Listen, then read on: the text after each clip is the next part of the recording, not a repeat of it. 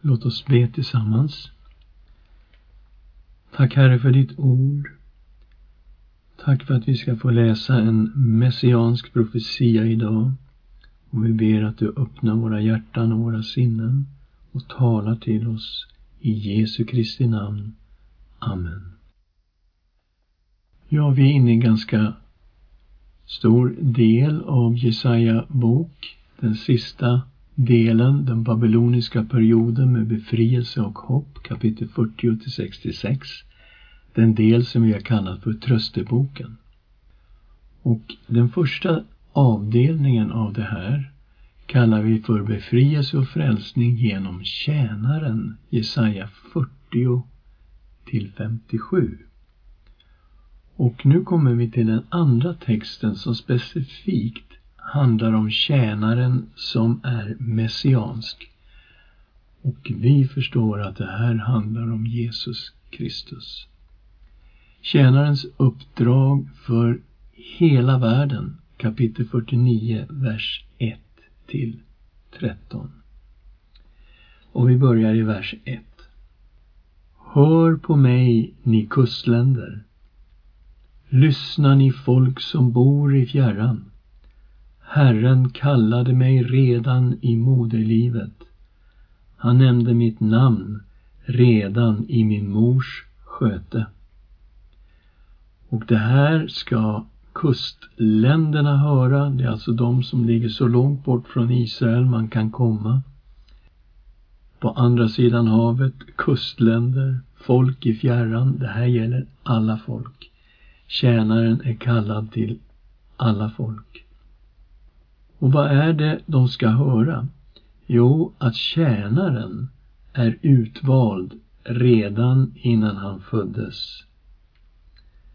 Herren kallade mig redan i moderlivet. Han nämnde mitt namn redan i min mors sköte. Och vad är det som är så speciellt med den här tjänaren? Ja, det är någonting med hans ord. Vers 2. Han gjorde min mun till ett skarpt svärd. Han gömde mig i skuggan av sin hand.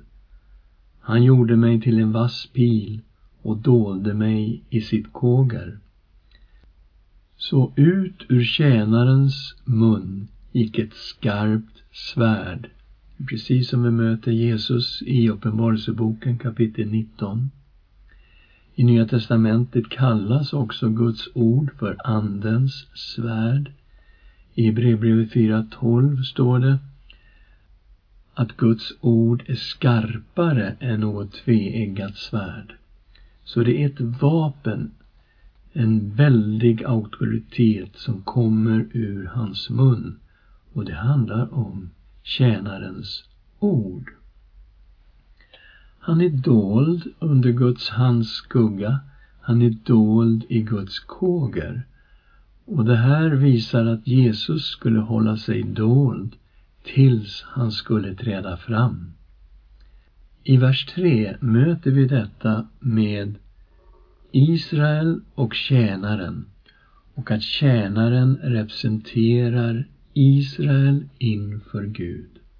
Han sa till mig, du är min tjänare Israel, genom dig vill jag förhärliga mig. Och detta med att en person kan representera ett helt folk är lite ovanligt för oss svenskar som har ett sådant individualistiskt perspektiv på tillvaron. Men i Bibeln är inte det här speciellt främmande. Tänk till exempel på översteprästen. På den stora försoningsdagen var den enda dagen som översteprästen fick gå in i det allra heligaste och han gick in med blod för att försona folket inför Gud. Översteprästen, han representerade hela folket. Och det här är beskrivet till exempel i hans domssköld som han hade på bröstet. Den var dekorerad med tolv stycken ädelstenar och det var en sten för varje stam i Israel. Han hade också axelstycken av två onyxstenar och på ena stenen var sex stammars namn ingraverade och på den andra stenen var de andra sex stammarnas namn ingraverade.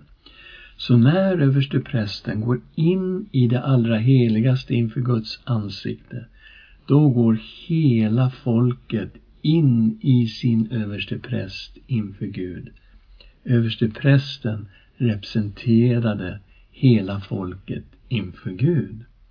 Och på ett liknande sätt så är Jesus den som representerar Israel inför Gud. Men det kommer inte bli så lätt för Herrens tjänare, vers 4. Jag tänkte förgäves har jag ansträngt mig, utan nytta förbrukat min kraft. Men min rätt är hos Herren och min lön hos min Gud. Så han kommer att möta motstånd, men Gud kommer att ta hand om honom och hjälpa honom. Vad ska han då göra? Vilket är hans uppdrag? Ja, han är absolut kallad till Israel, men han är också kallad till alla folk. Vers 5.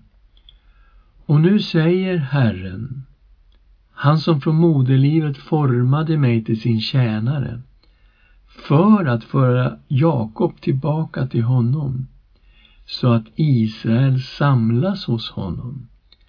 För jag är ärad i Herrens ögon och min Gud är min styrka. Han säger, och vad är det Gud säger? Det är för lite att du bara är min tjänare som upprättar Jakobs stammar och för tillbaka de bevarade av Israel. Jag ska sätta dig till ett ljus för hedna folken, för att du ska bli min frälsning ända till jordens yttersta gräns. Så det här är hans uppdrag. Han kommer att föra tillbaka de bevarade av Israel, ja. Men den här tjänaren är också sänd till alla folk. Han ska bli ett ljus för hedna folken. Han ska till och med bli Guds frälsning ända till jordens yttersta gräns. Och vi möter det här i Nya testamentet. I Lukas kapitel 2, vers 25 till 32 möter vi en person som heter Simeon. Det står om honom att han var rättfärdig och gudfruktig och att han väntade på Israels tröst och den helige Ande var över honom, står det. Och Guds ande hade uppenbarat för Simeon att han inte skulle dö förrän han hade sett Herrens mode, det vill säga Messias. Så han visste, den här gamle mannen, att en dag kommer jag att få se Messias. Och Josef och Maria bär ju fram Jesusbarnet i templet precis som man gjorde med allt förstfött i Israel. Och då säger anden till Simon, nu får du skynda dig, för nu är han i templet. Och han kommer dit och vi läser från vers 28. Han tog honom i sina armar och prisade Gud och sa Herre, nu låter du din tjänare gå hem i frid som du har lovat. För mina ögon har sett din frälsning som du har berett inför alla folk ett ljus med uppenbarelse för hedningarna och härlighet för ditt folk Israel. Och vi ser här att Simeons lovsång inför Herren, den är direkt förankrad här i Jesaja 49, vers 6. Han säger, det är för lite för dig att du bara är min tjänare som upprättar Jakobs stammar och för tillbaka de bevarade av Israel. Jag ska sätta dig till ljus för hedna folken, för att du ska bli min frälsning ända till jordens yttersta gräns. Men Herren gav fantastiska löften till sin tjänare och vi möter här att tjänaren skulle möta ett enormt motstånd. Han skulle vara föraktad, förkastad, avskydd. Titta i vers 7. Så säger Herren, Israels återlösare, hans helige, till honom som är föraktad av varje själ, till honom som är avskydd av folken, till honom som är härskares tjänare. Okej, okay, så han kommer att möta ett enormt motstånd. Men det kommer att bli resultat. Kungar ska se det och resa sig. Förstar ska se det och tillbe. Eftersom Herren är trofast, Israels helige, som har utvalt dig. Så Gud kommer att göra någonting genom tjänaren som gör att till och med kungar kommer att resa sig och förstar kommer att tillbe. Och Gud kommer att vara med. Han kommer att verka fantastiskt genom tjänaren. Vers 8. Så säger Herren. Jag bönhör dig i nödens tid. Jag hjälper dig på frälsningens dag. Jag ska bevara dig och göra dig till ett förbund för folket. Okej, okay, så Herrens tjänare kommer att bli i sin person ett förbund för folket. Och vi läste ju tidigare om det nya förbundet som är beskrivet i Jeremia 31, vers 31 till 34. Allt det fantastiska som ska komma med det nya förbundet. Och när Jesus instiftade nattvarden så tog han en bägare och sa denna bägare är det nya förbundet i mitt blod. Så hans offer var ett förbundsoffer för det nya förbundet som Gud skulle göra genom sin tjänare. Jag ska bevara dig och göra dig till ett förbund för folket för att upprätta landet och fördela de förödda arvslotterna.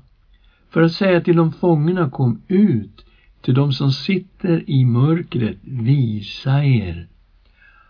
Och här möter vi det som vi har sett tidigare i kapitel 42, den, den förra messianska texten som vi läste. I vers 6 kunde vi läsa detta med att tjänaren skulle bli ett förbund. Jag, Herren, har kallat dig i rättfärdighet. Jag ska hålla dig i handen. Jag ska bevara dig och göra dig till ett förbund för folket, till ett ljus för hedna folken. Så vi ser att de här två texterna överlappar ju varandra. Men detta med att befria fångar kommer här i 42.7 för att du ska öppna blinda ögon och föra fångar ut ur fängelset, ur fångenskapen, den som sitter i mörker. Så vi ser att det handlar om precis samma löften som Gud gav till tjänaren i kapitel 42. Det upprepas här nu i kapitel 49. Och han kommer alltså att upprätta landet han kommer att fördela arvslotterna. Det handlar om Israel och det handlar om de olika stamområdena i Israel. Men de ska dra ut ur fångenskap. De ska finna bete längs vägarna. Betesmark på alla kala höjder.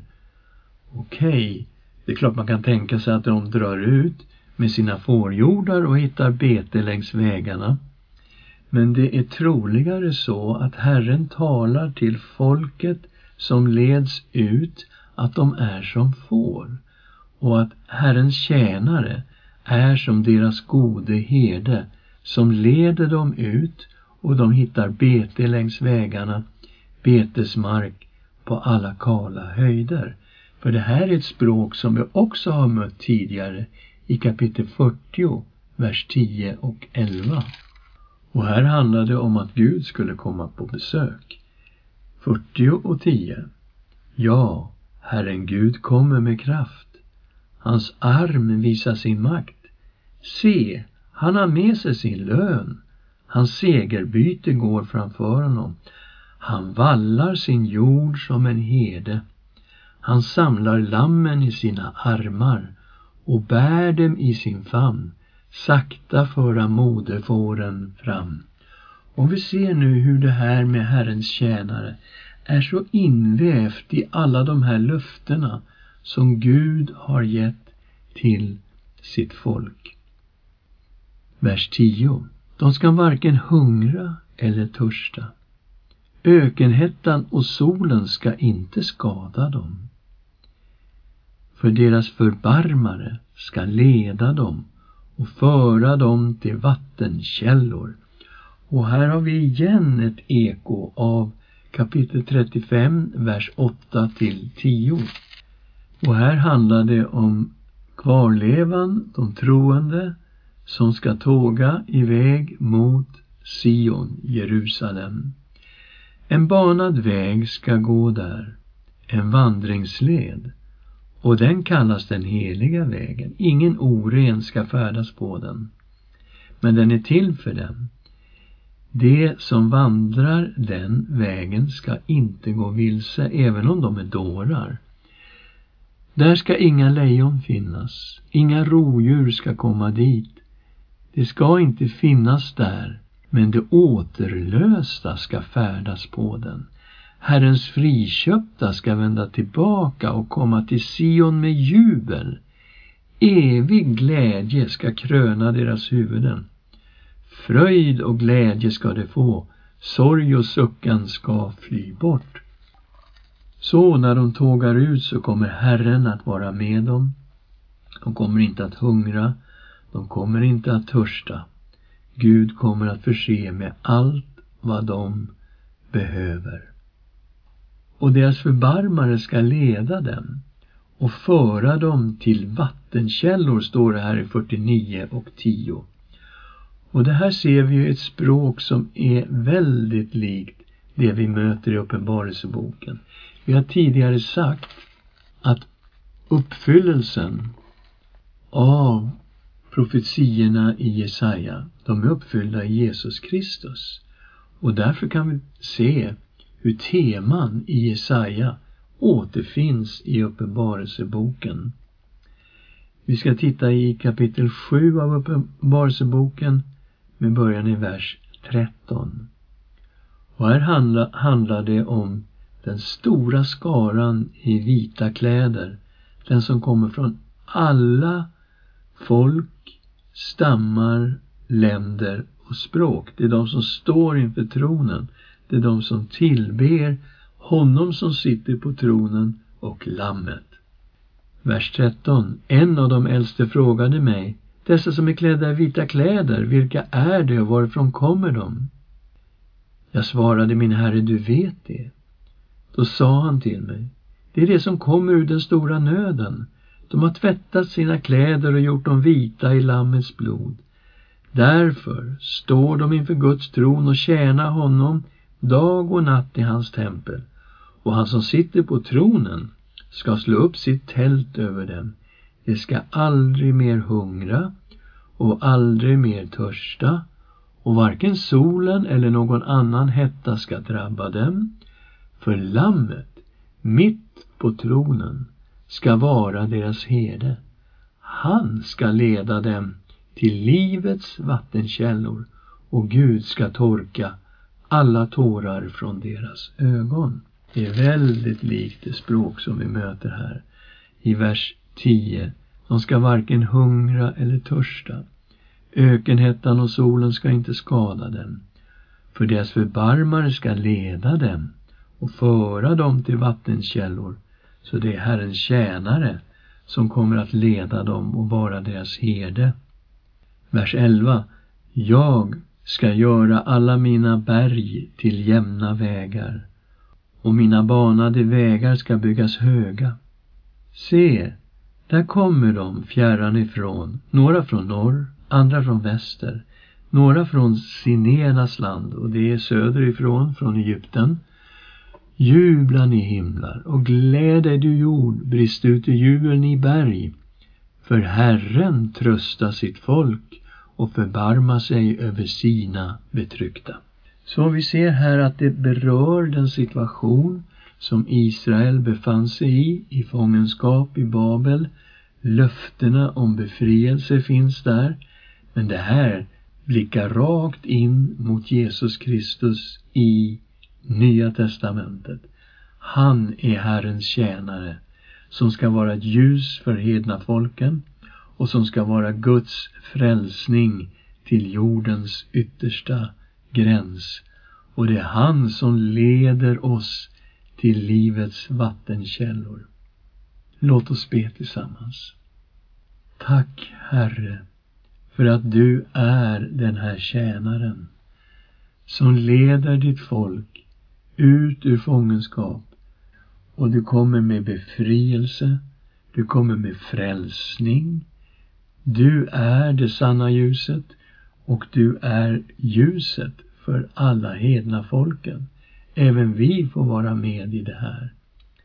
Tack Jesus Kristus för alla löften som har fått sitt ja och amen i dig. I Jesu Kristi namn. Amen.